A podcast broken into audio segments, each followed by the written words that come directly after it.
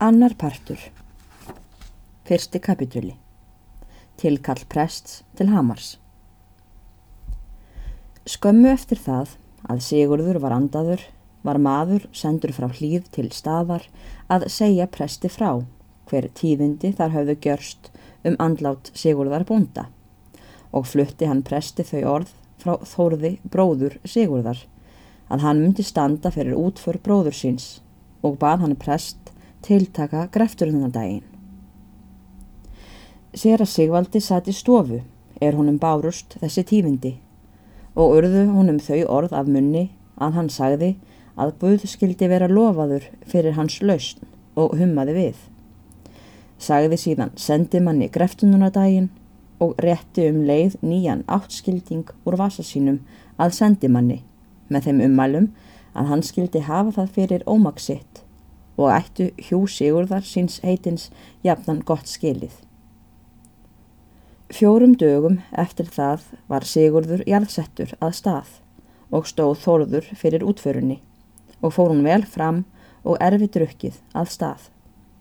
Komu til þess margir hinnir heldri bændur úr sveitinni en Bjarni á leiti var einn líkmanna. Sigrún Þorstinsdóttir stóð fyrir beina með þórði en ekki kom Þórdís húsfreyja þangað og lögðu sumir menn henni það til ámælis því venja var til að jæmt fylgdu konur sem karlar ættungjum sínum og venslamönnum til greftrunar. En Þórdís let sem hún herði það ekki, hvað menn töluðu þar um og satt heima. Þegar við erfidrykkjuna myndist prestur á við Þórð hvort honum væri eigi kunnugt um kaup þeirra Sigurðarheitins á Hamri og að svo jörð myndi því ekki koma til virðingar eður arfaskipta eftir Sigurð. Þóruður eitti því umtali og hvaða nógan tíma til að tala um það síðar og slefti prestur þeirri umræðu að sinni. Enda síndist honum það ráð að ívast eigi til við þórð að minnst og kosti áður hann hefði greitt líksöngseirin. Fekk prestur hann á með góðum skilum og all ríflegan. Ríður nú hver heim til sín eftir erfið. Líður nú svo fram um hríð að prestur situr í búi sínu og görist ekkert til tíðinda. En er rúmur hálfur mánuður var liðin frá jarðarfur Sigurðar, býst prestur að heiman og hefur með sér tvo landsetta sína þar af næstu bæjum. Ríður hann fyrst til Hamars og hittir þar Þóri bónda úti og segir honum Svo er Þórir bóndi sem þú munt hirt hafa að ég er orðin eigandi að hamri. Nú vil ég segja þér að skilmálar ykkar sigurðar um ábúð þína og upphæð jarðar af gjalds vil ég að haldist.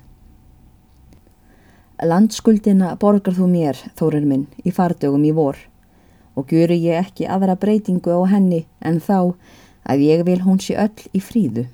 Í stað þess þú galst sigurði heitnum 60 álnir í ótilteknu og 30 pör af lesi. Smjöriði sjálfsagt að venju 10 fjörðungar eftir 5 kúgildi jarðarinnar. Velverkaður til mín reytir fyrir næstkomandi Mikaelismessu. Þórir hvaðist ekkert til vita um það að Sigurður hefði selt presti Hamar og svo myndi hann að venju, flytja leigur og landskuld að hlýð, nema ekkan segði sér annað við að gjöra. Prestur spurði Þóri hvort hann reyndi það sem hann segði að hann væri orðin eigandi Hamars.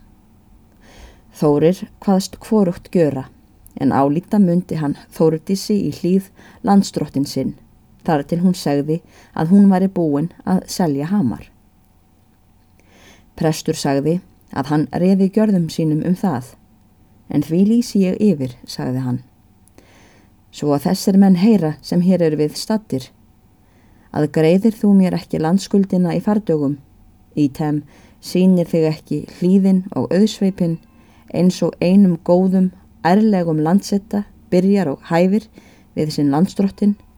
Þá óheimilega ég þér jörðina hamar, liggjandi í staðarsókn til allra nota og afnitja. Þórir hvað sig litlu varða, hver orð prestur hefði hér um og gekk inn. En prestur sti á bak hesti sínum og varð fátt um hveðjur þeirra þóris. Byður prestur fyldarmenn sína ríða til hlýðar og gjöra þeir svo. Ekki var manna úti í hlýð og skipar prestur fyldarmönnunum að berja dera. Kom vinnukona einn til dera og byður prestur hanna, segja húsfreyju að hann sé þér komin og vilji finna hanna. Gengur Þórtís húsfreyja út og helsar presti og vísar honum til stofu og svo þeim fyldarmönnum hans. Situr prestur þar um hríð og lætur Þórdís, Sigrúnu, veita þeim beina, en sjálf situr hún í stofu og ræðir við gesti. Er prestur all blíður á mann við Þórdísi? Hvaðst hann vera þar komin til að vita hvernig hún berist af eftir þann mikla mannskaða er hún hafi orðið fyrir í láti bónda hennar og fer hann þar um mörgum fögurum orðum hver mikil eftir sjá sér og öðrum repsmönnum sé að svo ágætu manni sem Sigurdur hafi verið. Þóruðís játti því sem prestur sagði en auðsið var þó á henni að ekki fannst henni mikið til fagurgala prests. Snýr prestur þessu næsta ræðu sinni í það átt að hann spyr húsfreyju um fyrirætlun hennar og hvort hún hafi í higgju að halda áfram búskap eða segja hlýð lausri og svo um það hvern hún hafi í higgju að taka sér til ráðunætis eða lögravanda og let prestur á sér heyra að hann myndi ekki ófús til þess starfa ef hún eskti þess. Þórdís svaraði presti hægt og stillilega. Hvaðst hún litla fyrirhyggju hafa um hægi sína að svo stöttu. Þó myndi það helst verða að hún reyndi til að hókra eitt ár ennþá og ekki segja hlýð lausri hefði næsta árið. En þar sem prestur leti á sér heyra að hann myndi gjörast lögravandi hennar, þá hvaðst hún kunna honum þakkir fyrir tilbúð sitt og væri gott að eiga þess von síðar ef hún leitaði þess. Þegar prestur hafði staðið nokkra stund við í hlýð og notið beina þess er framborin var, fer hann að sína á sér ferðasnið tekur til hatsin og vettlinga og lætur sem hann ætli nú þegar á brott. Húsfreyja var í stofu og vindur prestur sér það að henni og segir Eftir á að hyggja og að að gá, ég var nærið við búin að gleima nokkru af erindinu. Ég kom hérna þórtis mín með það sem þér eigið hjá mér. Það mun meina komin tími til að losa sig við það. Þórdísi setti dreirröða út undir eiru og var sem hanna undir eins óraði fyrir í hverjum erendagjörðum fyrir að Sigvaldi væri þar komin.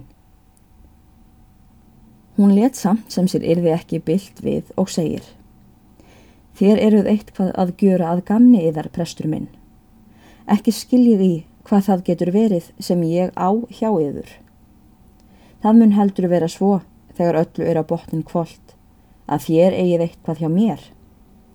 Það kemur ætið einhvern tíma að skuldadögunum fyrir þá sem eiga að gjalda öllum stjettum og þér munuð sem von er vilja að ég síni einhvern lit á að gjalda yfir eins og vant hefur veðrið um það vorar.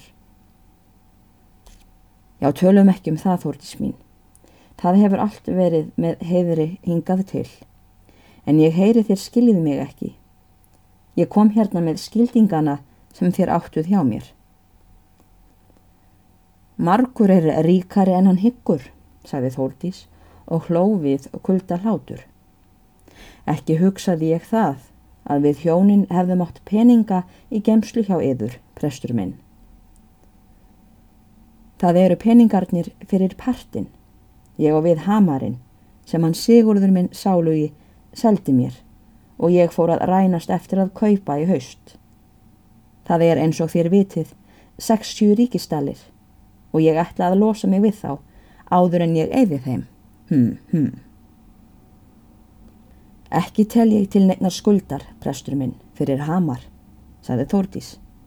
njóti þér peninga eðar, ekki mun ég ágjörnast á. En hitt hef ég einhver tíma sagt yfir áður, að hamar myndu þér aldrei eignast meðan ég tóri, að minnstakosti ekki með réttu. Það hefur nú hvort okkar sína meiningu um það, Þórdís mín. Hmm, hmm. En þér viti þó að ég hef í höndum afsalsbref mannsins yfir sáluga fyrir kvotinu. Hmm. Og ætla ég mér muni duga við yfir og þórð minn í holdi. Hmm. Hmm, sagði prestur. Ekki þurfi þér að minna mig, sér að Sigvaldi, á einstæningsskap minn. Veit ég það að ég er ekki og á engan að. Samt vantreist ég því ekki að Guð get ekki vakið einhvern upp til þess að veita mér liðsynni. Hefur það óverið sagt að illa sest oft ofsinn, sagði Þórdís og sáu menn þá tár hrutu af augum hennar, líkast sem högl væri. Það sáu menn að presti brá heldur en ekki við þessu orð, að því að það tók hann að velta tuggunni hraðara í munni sér en hann var vanur. Svaraði hann þó af mestu stillingu og segir Ekki tek ég þessi orð til mín þórtis mín. Annað mál er það, þó ég vilji, að orð og gjörðir haldist og segurður minn sé ekki gjörður ómyndugur í gröfinni, eins og hann hefði ekki verið fjársins ráðandi meðan hann livði. Og kemur þetta vist til af því að þér þekkið ekki rétt hvernig ástendur og hvernig kauprifið er lagað, en það skulu þér nú fá að heyra það, því ég hef hér afskrift að því í vasa mínum.